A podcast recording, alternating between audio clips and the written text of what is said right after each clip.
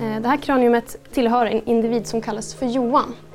Eh, den här individen tror vi kan vara den gamle kapten Jonsson. Jag skulle säga att han är, han är typiskt för den nya sjöofficersgruppen som växer fram som är professionella sjöofficerare, eh, inte adliga utan arbetat sig upp. Han har nog haft problem att gå med tanke på att han fått amputera delar av höger fot. Johnson var fortfarande ombord då skeppet seglade och hade otur att dö. Kapten Hans Jonsson hittades på nedre däck i ett förråd när skeppet Vasa bärgats. Men han var inte skeppets kapten när olyckan skedde och han hade lång erfarenhet som sjöofficer. Så varför var han ombord? Var hans död onödig? Och vem bär ansvaret? Just nu pågår ett forskningsprojekt där bland annat Hans Jonsson ingår och i det här poddavsnittet ska vi ta reda på vem han var, hans kopplingar till kung Gustav II Adolf. Vi ska undersöka hans kvarlevor och försöka hitta svar på frågan varför dog kapten Jonsson?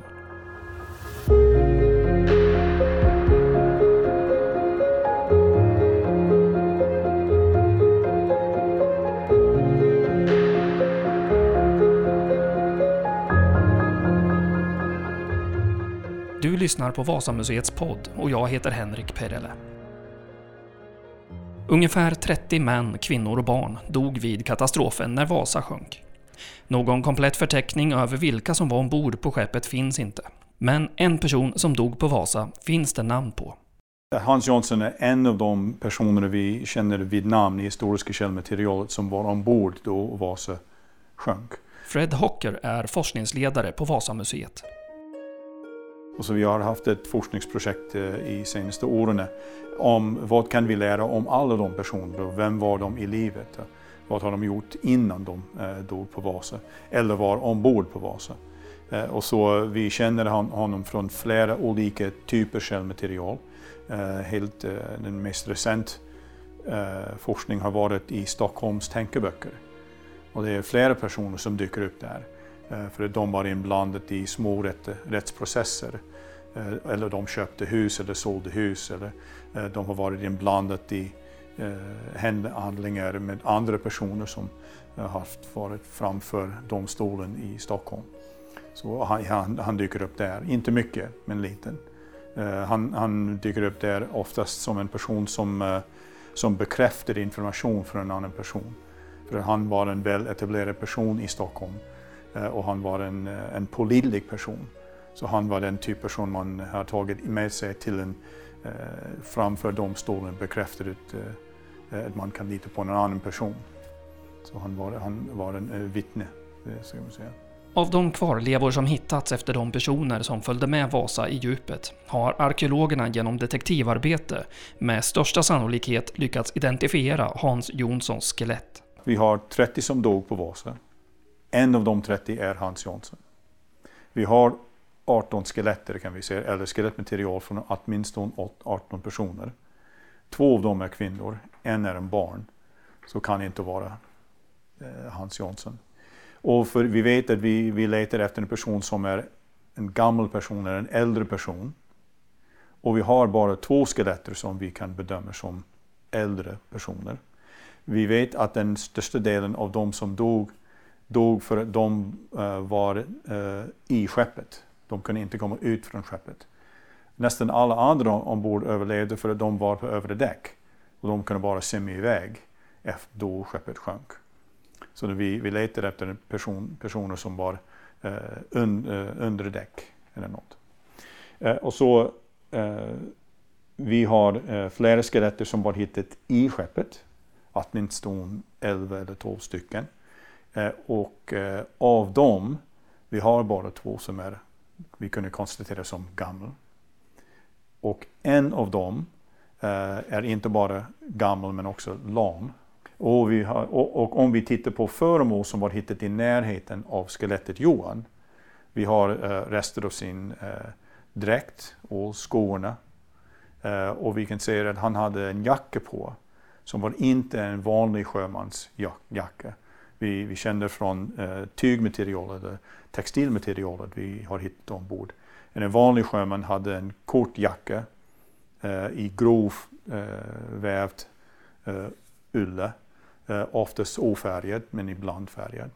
Eh, men eh, skelettet Johan har en längre jacka som är mycket mer typisk för en, eh, en gentleman eller någon av högre status. Och materialet själv är en av de högsta kvalitets eh, tyg vi har från alla textilrester vi har från skeppet.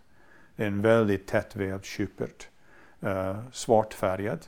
Eh, som, och svart var, black was the new black eh, i 1620-talet. Det var den högsta kvalitetsmaterial och hög stil i 1620-talet i Sverige som i Holland och i England, det var svart. Anledningen till att vi vet att Hans Jonsson dog på Vasa var för att han nämndes särskilt när kung Gustav II Adolf informerades om katastrofen. Då eh, riksrådet informerade kungen att eh, skeppet sjönk. Eh, de nämnde bara en person mellan de som dog och det var gamla kapten Hans Jonsson. Och för att de nämnde eh, Hans Jonsson för kungen, det måste betyda att kungen kände Hans Jonsson. Annars skulle det vara meningslöst. Så de, eh, och vi vet ungefär hur de kände varandra.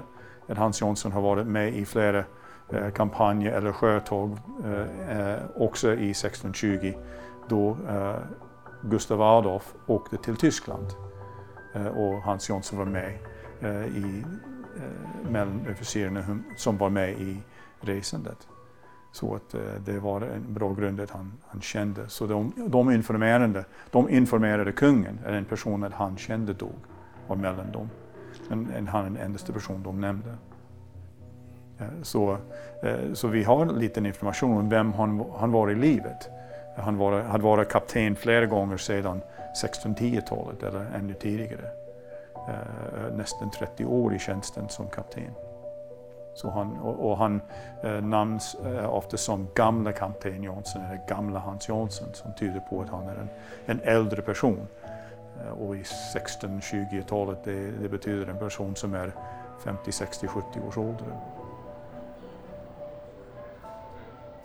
Så vad vet vi då om Hans Jonssons liv?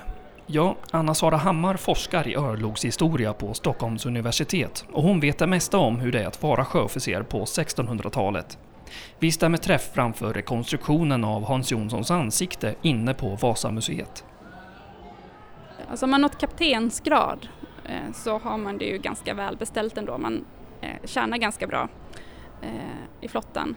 Nu har den exakta summan försvunnit i mitt huvud, men man tjänar ganska bra. Såvida flottan verkligen lyckas betala ut lönen förstås, det är ju inte alltid. Eh, men att han är oadlig däremot, det är väldigt typiskt. Eh, sjöofficersyrket är inget adelsyrke och andelen adel i flottan är låg, mycket lägre än i, än i armén till exempel.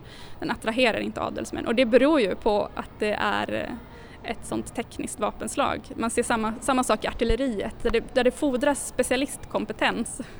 Där försvinner också ad, framförallt högadeln.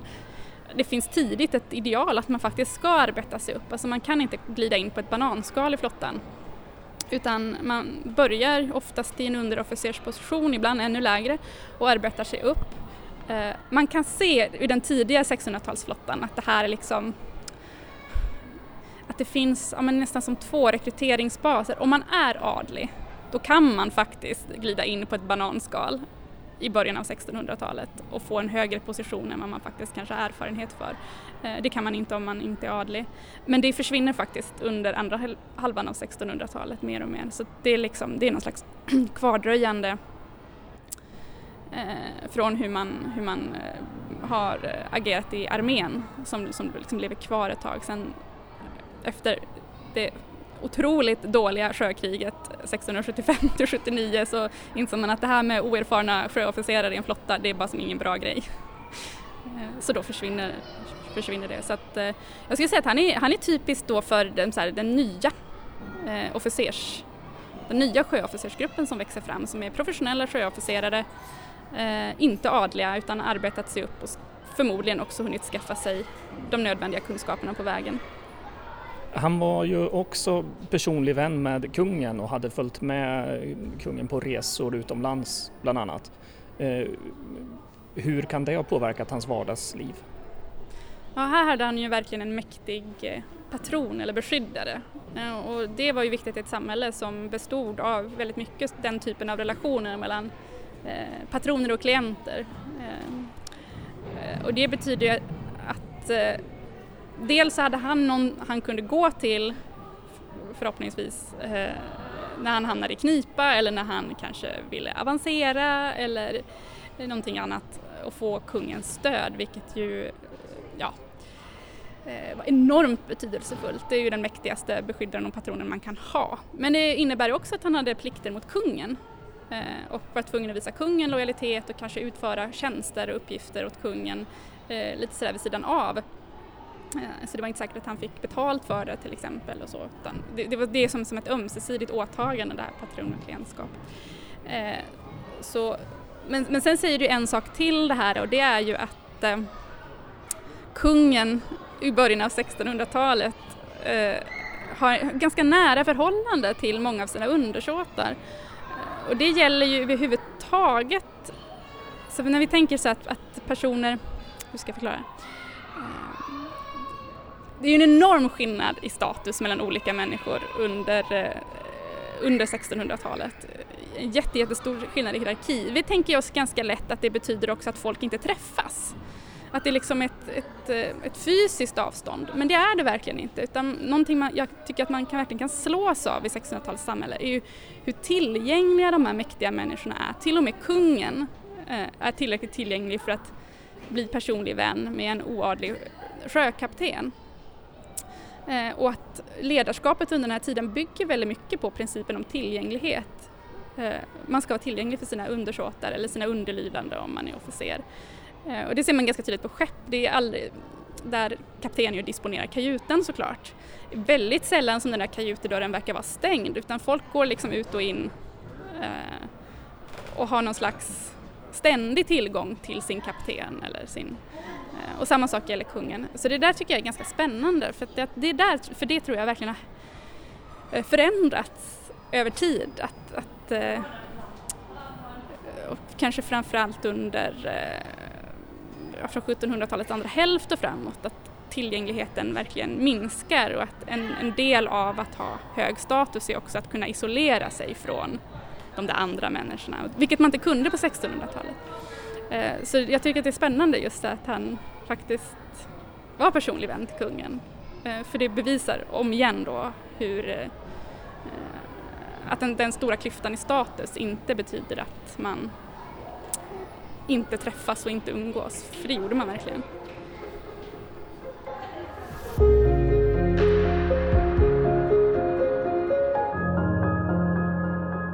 Stockholm i början på 1600-talet präglades av trånga stinkande gränder där människor delade på gatuutrymmet med kor, grisar och höns.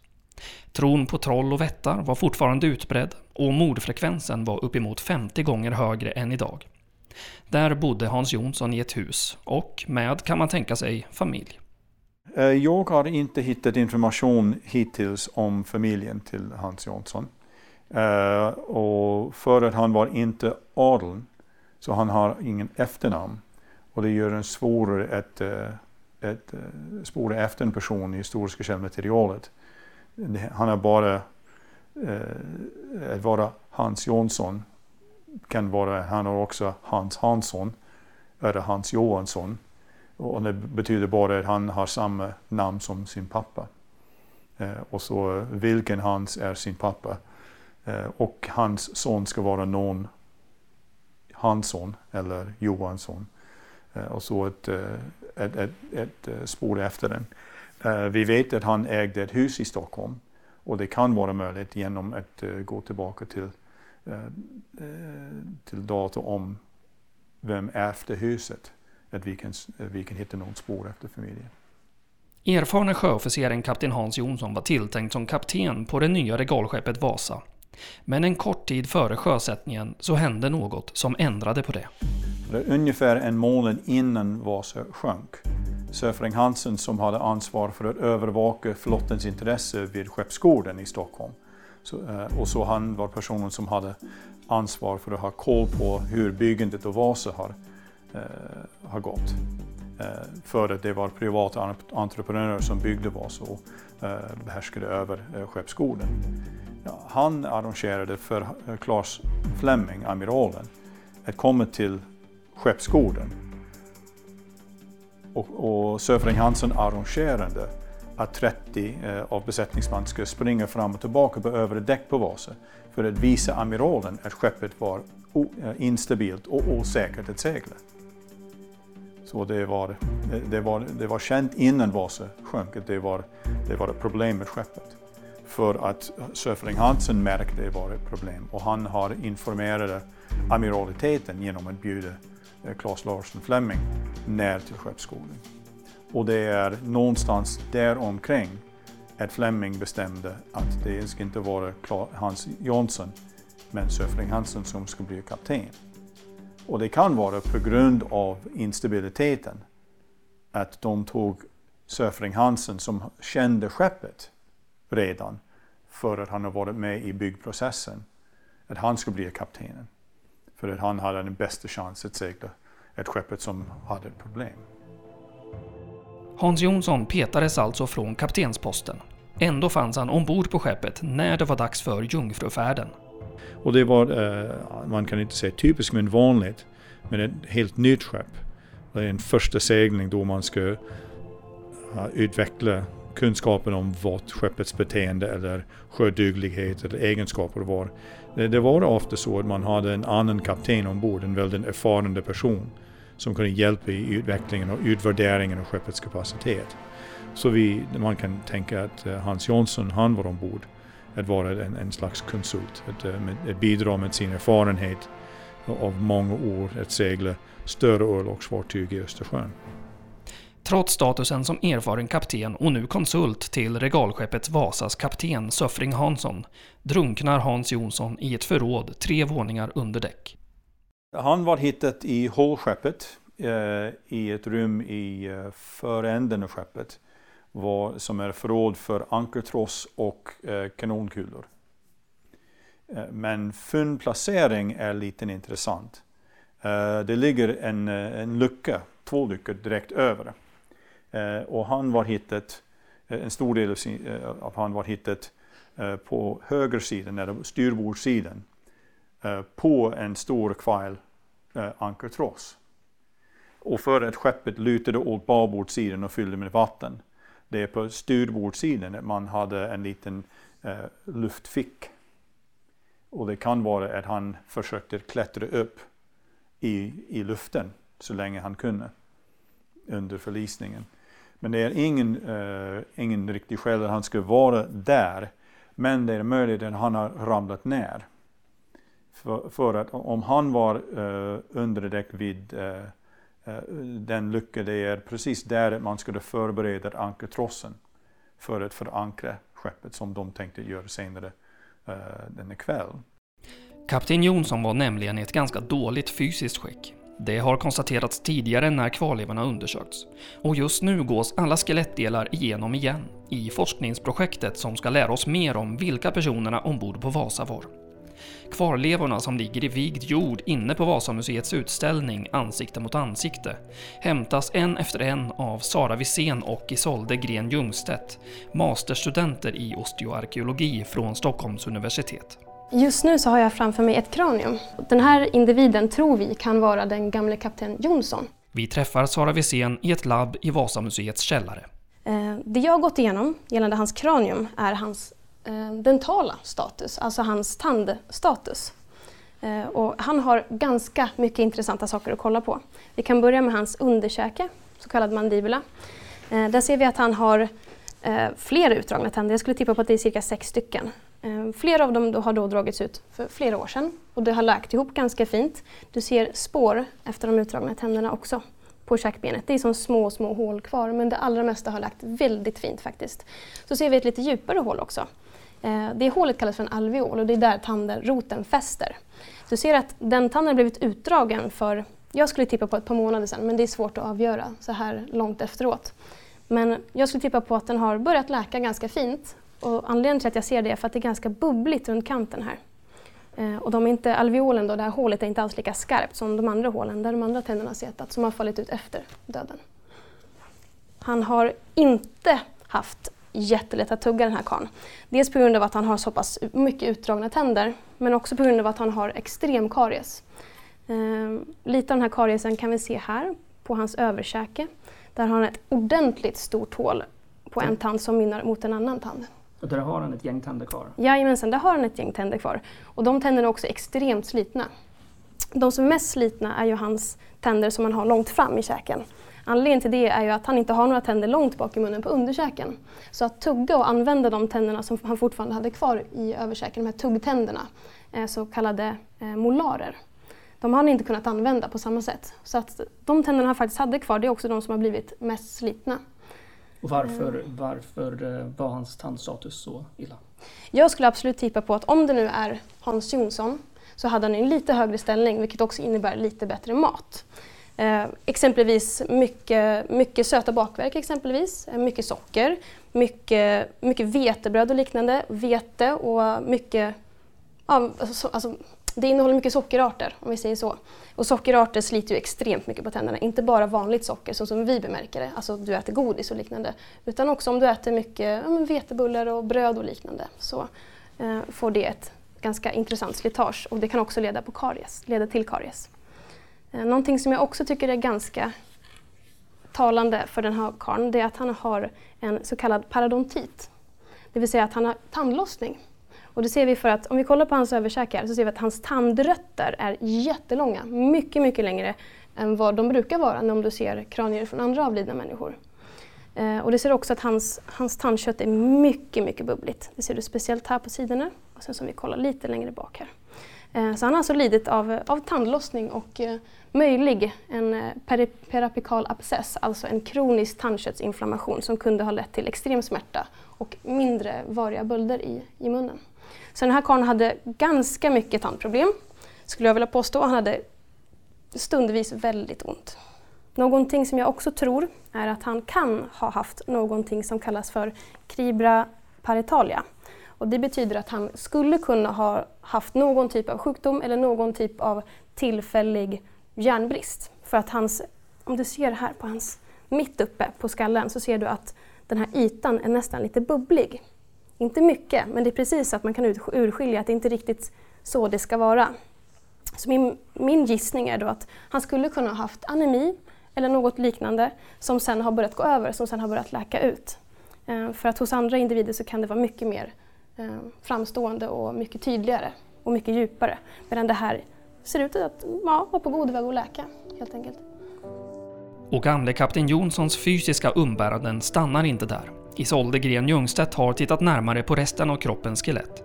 Han var en gammal man, det kan man se på skelettet som vi har framför oss här. Eh, om vi ska börja kranialt och gå kaudalt, alltså börja högst upp på kroppen och gå neråt så kan man börja med hans nyckelben, hans klavikulor, som har något som kallas för enesopatri. Det är aktivitetsrelaterat men det är också åldersrelaterat. Det innebär att på insidan av nyckelbenen så finns det en eh, hålighet helt enkelt. Och den här är också lite inflammerad, den är inte på väg att läka. Eh, vi har ju bara hans högra nyckelben kvar. Så det är svårt att säga om han hade det på andra sidan men troligen hade han det med tanke på ålder och så vidare. Vad innebär det i praktiken med den här håligheten? Ehm, det innebär att han skulle kunna vara lite mindre rörlig men det är inte ett ovanligt eh, fenomen på kroppen och speciellt inte eh, ju äldre man blir utan det kan äldre människor idag också ha. Ehm, han har förslitningar ehm, och eburnation kallas det. Det kan vara lite svårt att se om man inte är osteolog, men han har lite glansiga ytor. Om man håller i rätt ljus kan man se att de här ledytorna är eh, glansiga. Det kallas för eburnation och det uppkommer när ben när, liksom, när musklerna tvinar och ben börjar röras mot, direkt mot ben. Då uppkommer som en marmorlik yta på, eh, på själva ben, eh, kapslarna som rörs mot varandra. Hur kändes det här tror du? Det är en åldersrelaterad skada. Eh, så det är inte ovanligt att äldre personer har det här och man är ju stelare och mer orörlig men man behöver inte ha så fruktansvärt ont av det. Men absolut så kan man, så kan det, man ha det. Osteoporos har han också, alltså benskörhet. Nu kan man se här på hans eh, pelvis eller hans eh, vad heter det, bäckenben. Bubbligt, eh, skadat ben. Eh, som är vanligt att man drabbas av när man är lite till åren. Det är, inte van, det är inte ovanligt att äldre personer ramlar och bryter till exempel lårbenshalsen. Det är vanligt att det uppkommer just Eh, osteoporos i, bäcken, i bäckenområdet. Ehm, han har haft ehm, benhinneinflammation, periostit, mm, kan man se på hans eh, tibior. De är eh, räfflade. Man kan säga att de är ganska grova, liksom, och så, som ganska grova ränder eh, på sidorna, speciellt på vänster sida. Och eh, benhinneinflammation kanske man tänker främst drabbar elitidrottare, men det är också en aktivitetsrelaterad eh, åkomma som kan uppkomma när som helst i livet och det här ser ut att inte vara på väg att läka utan han har gått med det här fram tills han dog. Och på vänster, vänster tibia har vi också ett läkt benbrott som har eh, överlappats. Eh, han har börjat stödja på benet långt innan han kunde, långt innan det var färdigläkt och därför har det blivit som en liten utbuktning. Man kan se att benen har lagt, lagt sig över varandra.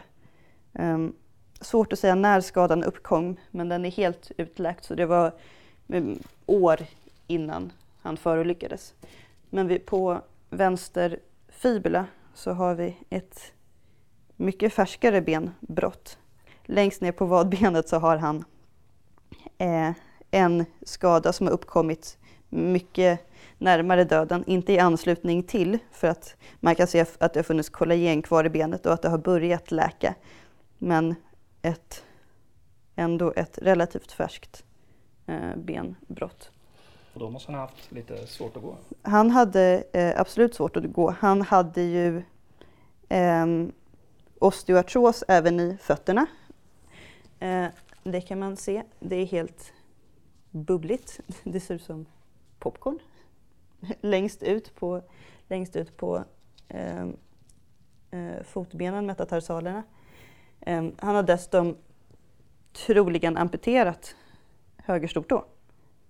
Um, ehm, här har det börjat växa ut osteofyter, alltså det har börjat bildas ny benvävnad. Och så har han ett troligen, en troligen läkt fraktur på, på ena vänsterfoten som är, visar sig genom att den är svullen eh, men läkt. Det finns inte så många kotor men jag har inte kunnat se något tecken på att han skulle vara krumryggad. Eh, någon kupos. Eh, däremot så hittades det en fin käpp ombord på Vasa som man kan ju spekulera i om den kanske har tillhört den här individen. För att han gick troligtvis med käpp och eh, vi ska försöka utröna om det är så att man kan se något tecken på att han har stött sig mer på en sida än en annan. För att bli av med en bit av foten eh, och speciellt en bit av stortån är ganska... Det, eh, är, då får du en kropp som blir liksom snedvriden. Liksom, för den tar, den tar, väldigt mycket av, tar bort väldigt mycket av balansen. Med den informationen kan vi alltså hålla det som sannolikt att kapten Hans Jonssons fysiska status har haft inverkan på faktumet att han blev ett av dödsoffren på Vasa. Något som även Fred Hocker är inne på. Och det kanske är så att han var på undre batteridäck och inblandad i förberedning för eh, ett, eh, ett, ett säkra ankarna och förbereda för resten av eh, passagen. Och under förlisningen då skeppet kantrar åt sidan för att han kan inte gå på riktigt på grund av stortån och vänster ben. Att han ramlade ner genom luckan, två däck och landade på ankartrossen. Och så försökte, och kanske var skadad, eh, och försökte klättra upp och så Eh, så vi kan se det, det ser ut som han, eh, han har drunknat där eh, i, under, eh, hela vägen ner i skeppet. Då kan man undra vad Hans Jonsson egentligen visste om Vasas problem. Hade han gått ombord i sitt fysiska skick om han visste att skeppet var osäkert? Vi vet att Hans, eh, eller Söfring Hansson, kaptenen, visste att skeppet var, o, eh, var osäkert eh, och instabilt. För det var hans, eller Söfring Hansson som organiserade en demonstration för amiralen Claes Fleming att skeppet var inte sjödugligt. Om Hans Jonsson var med för den demonstrationen, det vet vi inte. Men vi kan tro att rykten måste ha spridit sig i flotten mellan de erfarna sjöofficerare som Hans Jonsson och Söfring Hansson, som vi vet kände varandra. Eh, att, eh, att det var problem med skeppet. Och det kan vara en orsak att de hade båda kaptener ombord. Att det, det var en liten oro eh, över om det eh, skulle gå ett, ett segla Vasa hela vägen ut till Älvsnabben. Det skulle vara eh, omöjligt på grund av skeppets oduglighet. Då återstår frågan vem som är att klandra för Hans Jonssons och de andras död. Det har visat sig att det inte är någon enkel fråga. Såväl utländska spioner som skeppets skrov och kungen själv är beståndsdelar som spelar in i det hela. Ja, det, det, är, det är den stora frågan. Folk, äh, äh, folk frågar hur sjönk skeppet? Varför sjönk Vasa? Men vad de menar är uh, vems fel var det? Det, det är hur vi tänker. Uh, och så man kan dela i två delar här. En är varför sjönk Vasa just då? På 10 augusti 1628. Eh, och det är eh, en kombination av flera faktorer. Eh, och det var man började med ett skepp som var instabilt. Det var osäkert eh, att man skulle segla med ett skepp som var osjöduglig. Men det var vanligt att stora nya örlogsfartyg var osjöduglig. Eh, nästan alla stora örlogsfartyg vi känner från 1600-talet var instabilt då eh, vid första seglatsen. Och man seglade väldigt försiktigt och eh, lärde att känna skeppets egenskaper och så tog man skeppet tillbaka till varvet och fixade det. Om det var ett problem. Och flera skepp var fixat eller ombyggda även för att göra dem mer sjödugliga. Eh, det var, med Vasa det var inte ett nytt problem, det var bara att Vasa var så osjödugliga att eh, skeppet kom aldrig så långt ut att man kunde komma tillbaka och fixa den. Eh, så men om man, om man väljer ett segla med ett skepp som man vet är instabilt så måste man vara väldigt försiktig. Eh, och vi kan se från källmaterialet som pratar i stor detalj om precis vilken segel man satt och i vilken ordning och hur man seglade och styrde. Att uh, Söfring Hansen, han gjorde allt han kunde för att segla skeppet på ett försiktigt sätt. Uh, så han kunde komma ut till Älvsnabben. Han hade en, en, en, en absolut minimum av uh, segeldyken upp i vinden. Uh, han uh, seglade så nära till uh, kusten han kunde. Han, han försökte göra allt han kunde. Men det var en felbeslut i början och det var när man seglade med alla kanonportarna öppna. För att man skulle sköta en salut. Vi vet inte om det var en så kallad svensk lösen. Två kanonskott. Det kan ha varit hela bredsidan, vi vet inte. Eh, men om man eh, seglar med ett nyaste skepp i Östersjön som är världens kraftigaste eh, beväpnade skepp. Man måste visa att man har de vapen ombord. Ellers är det bara fusk. Så det var en viktig del av den första delen av resan att visa för alla som tittade, som var spioner från andra länder och ambassadörer som skulle rapportera hemma om skepp, kungens nya skepp så måste man visa kanonerna. Så de seglade med eh, alla kanonportarna öppna. Och så då skeppet lutade över mot babordsidan under vinden. De lutade över så långt att kanonportarna kom in i vattnet och vatten kunde rinna in. Om de hade haft kanonportarna stängda så skulle Vasa inte ha sjunkit den dag. Den var fortfarande osjödugliga. Men det skulle inte ha sjunkit just då. Det kunde ha sjunkit någon annan gång. Och det ska aldrig ha varit bra, ett bra skepp, skepp utan att man har gjort någon ändringar i, i skrovet. Men någon har fattat beslutet att de skulle segla med kanonporten öppna. Och det, det, så måste vi lägga en del skulden på kaptenen. För han seglade skeppet i en osäkert tillstånd. Men det kan ha fått, han kan ha fått order från amiralen, Klas Fleming, att göra så. Så vi kan säga att det är en del skuld som ligger där med kaptenen och amiralen.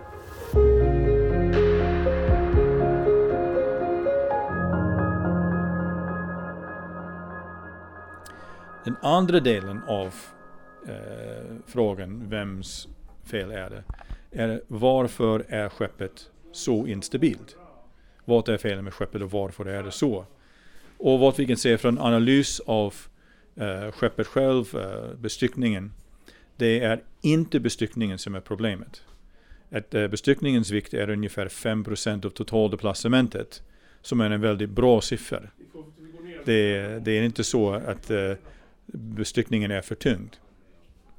Eh, det är, vi ser i massor av väldigt bra fartyg under 1600 1700-talet att man borde ha bestyckningen som 5-7% av totaldeplacementet. Vasa ligger väldigt lågt och bra där. Och det är inte så att eh, kungen beställde eh, eller beordrade att de ska ändra skeppet på stapeln efter de har lagt sträckkölen. Han såg nej det ska vara längre eller jag vill ha en batteridäck till. Det är en stor myt skapat i 1980 omkring eh, av ett, eh, ett antal författare.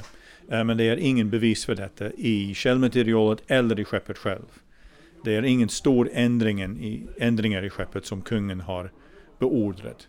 Vad eh, skeppet vi ser i museet nu är mer eller mindre skeppet de tänkte bygga från början. Så det är inte problemet.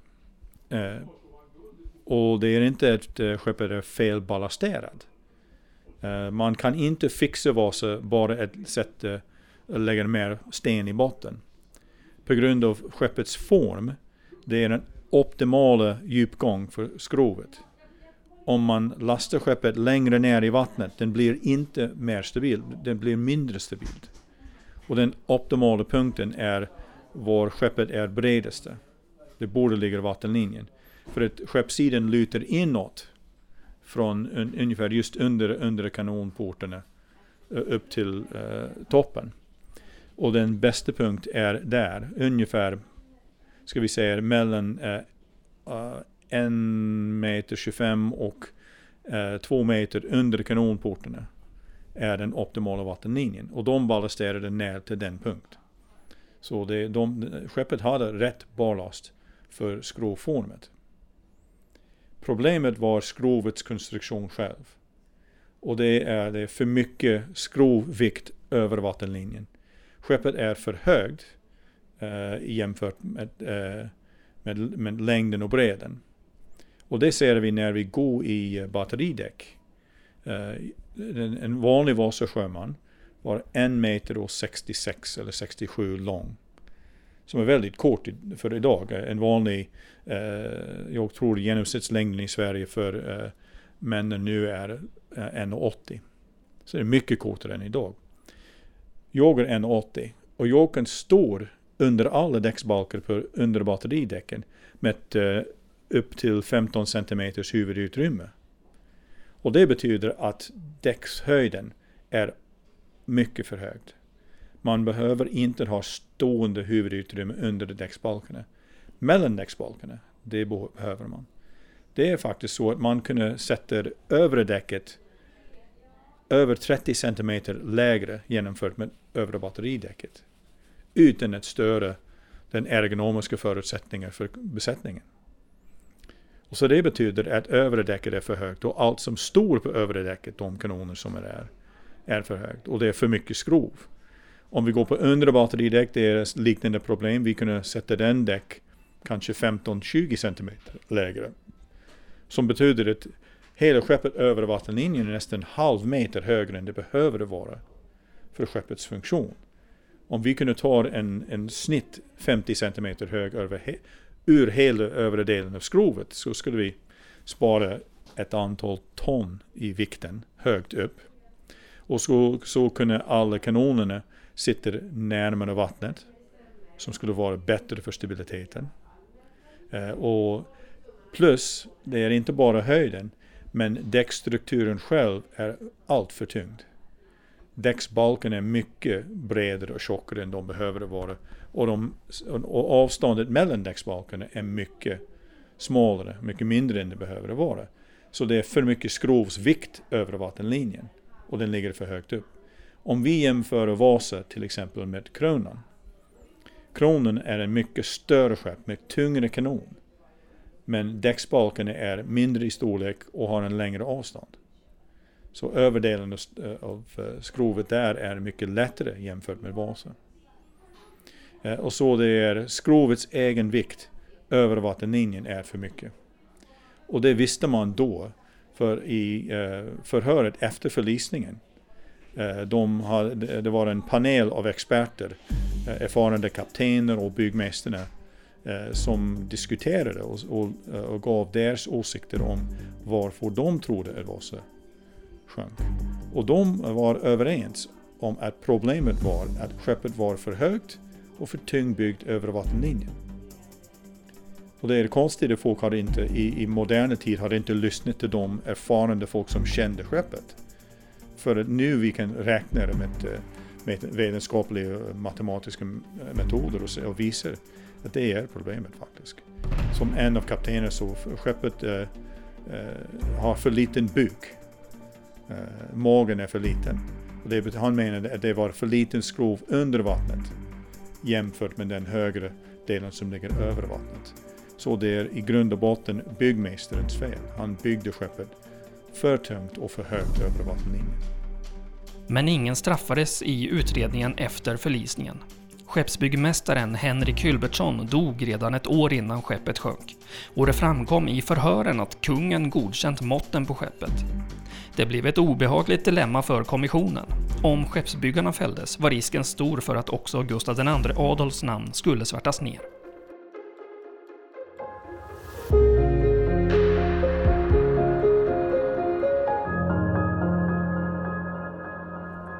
Hur kapten Jonssons förmodade familj klarade sig efter förlusten är förstås oklart. Något vi vet är att de inte kunde förvänta sig någon hjälp med försörjningen, trots att kaptenen omkommit i tjänsten. Eh, inte av flottan. Det kommer dröja innan systemet med eh, pensioner och änkepensioner eh, kommer i bruk. Det är inte förrän mot slutet av 1600-talet. Så flottan eh, betalar inte ut någonting. Möjligtvis kanske hans innestående lön om de har slarvat med det. Att, det får änkan ut. Det beror liksom lite på dels vad familjen för övrigt hade för kontaktnät och också vad hans hustru gjorde för någonting. Ehm, det finns ju också en tendens att vi tror att 1600-talets kvinnor, de, deras huvuduppgift var eh, att ta hand om barnen och laga maten. Eh, och de hade naturligtvis ett ansvar för det men ofta hade de ju ett eget yrke också eh, vid sidan om. Det vet vi heller ingenting om vad hon kan ha sysselsatt sig med. Eh, och eh, och det, att, att det kanske var någonting hon kunde falla tillbaka på när mannen försvann.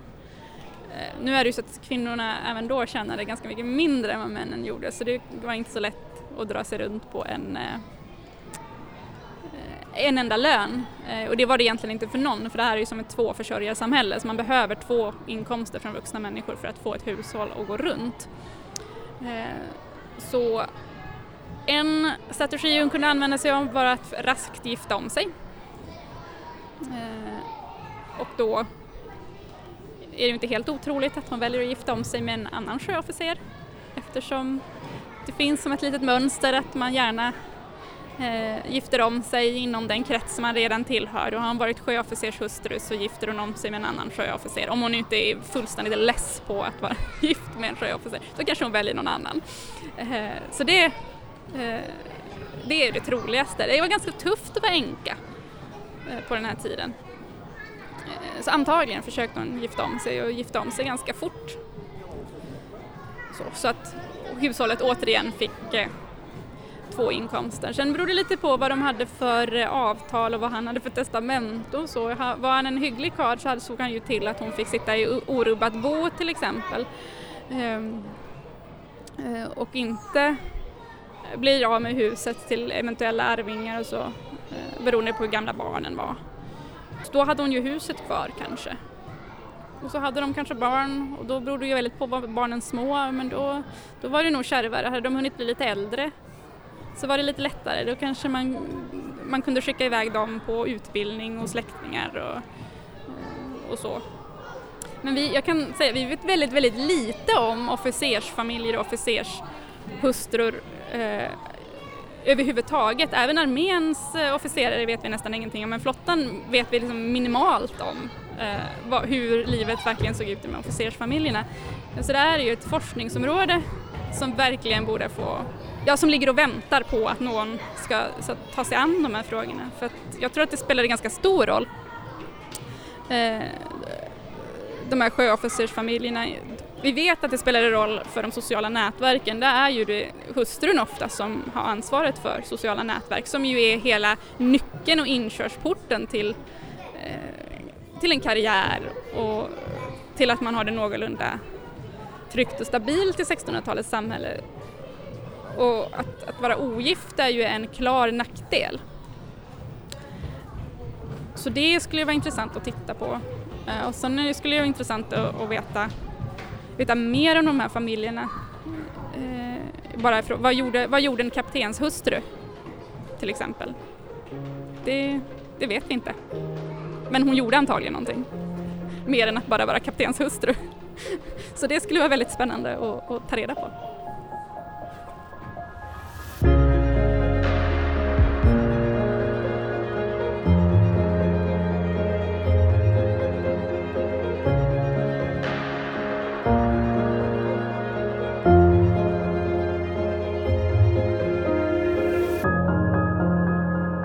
Du har hört Vasamuseets podd om Kapten Hans Jonsson, producerad av Statens Maritima Museer. Jag heter Henrik Perelle.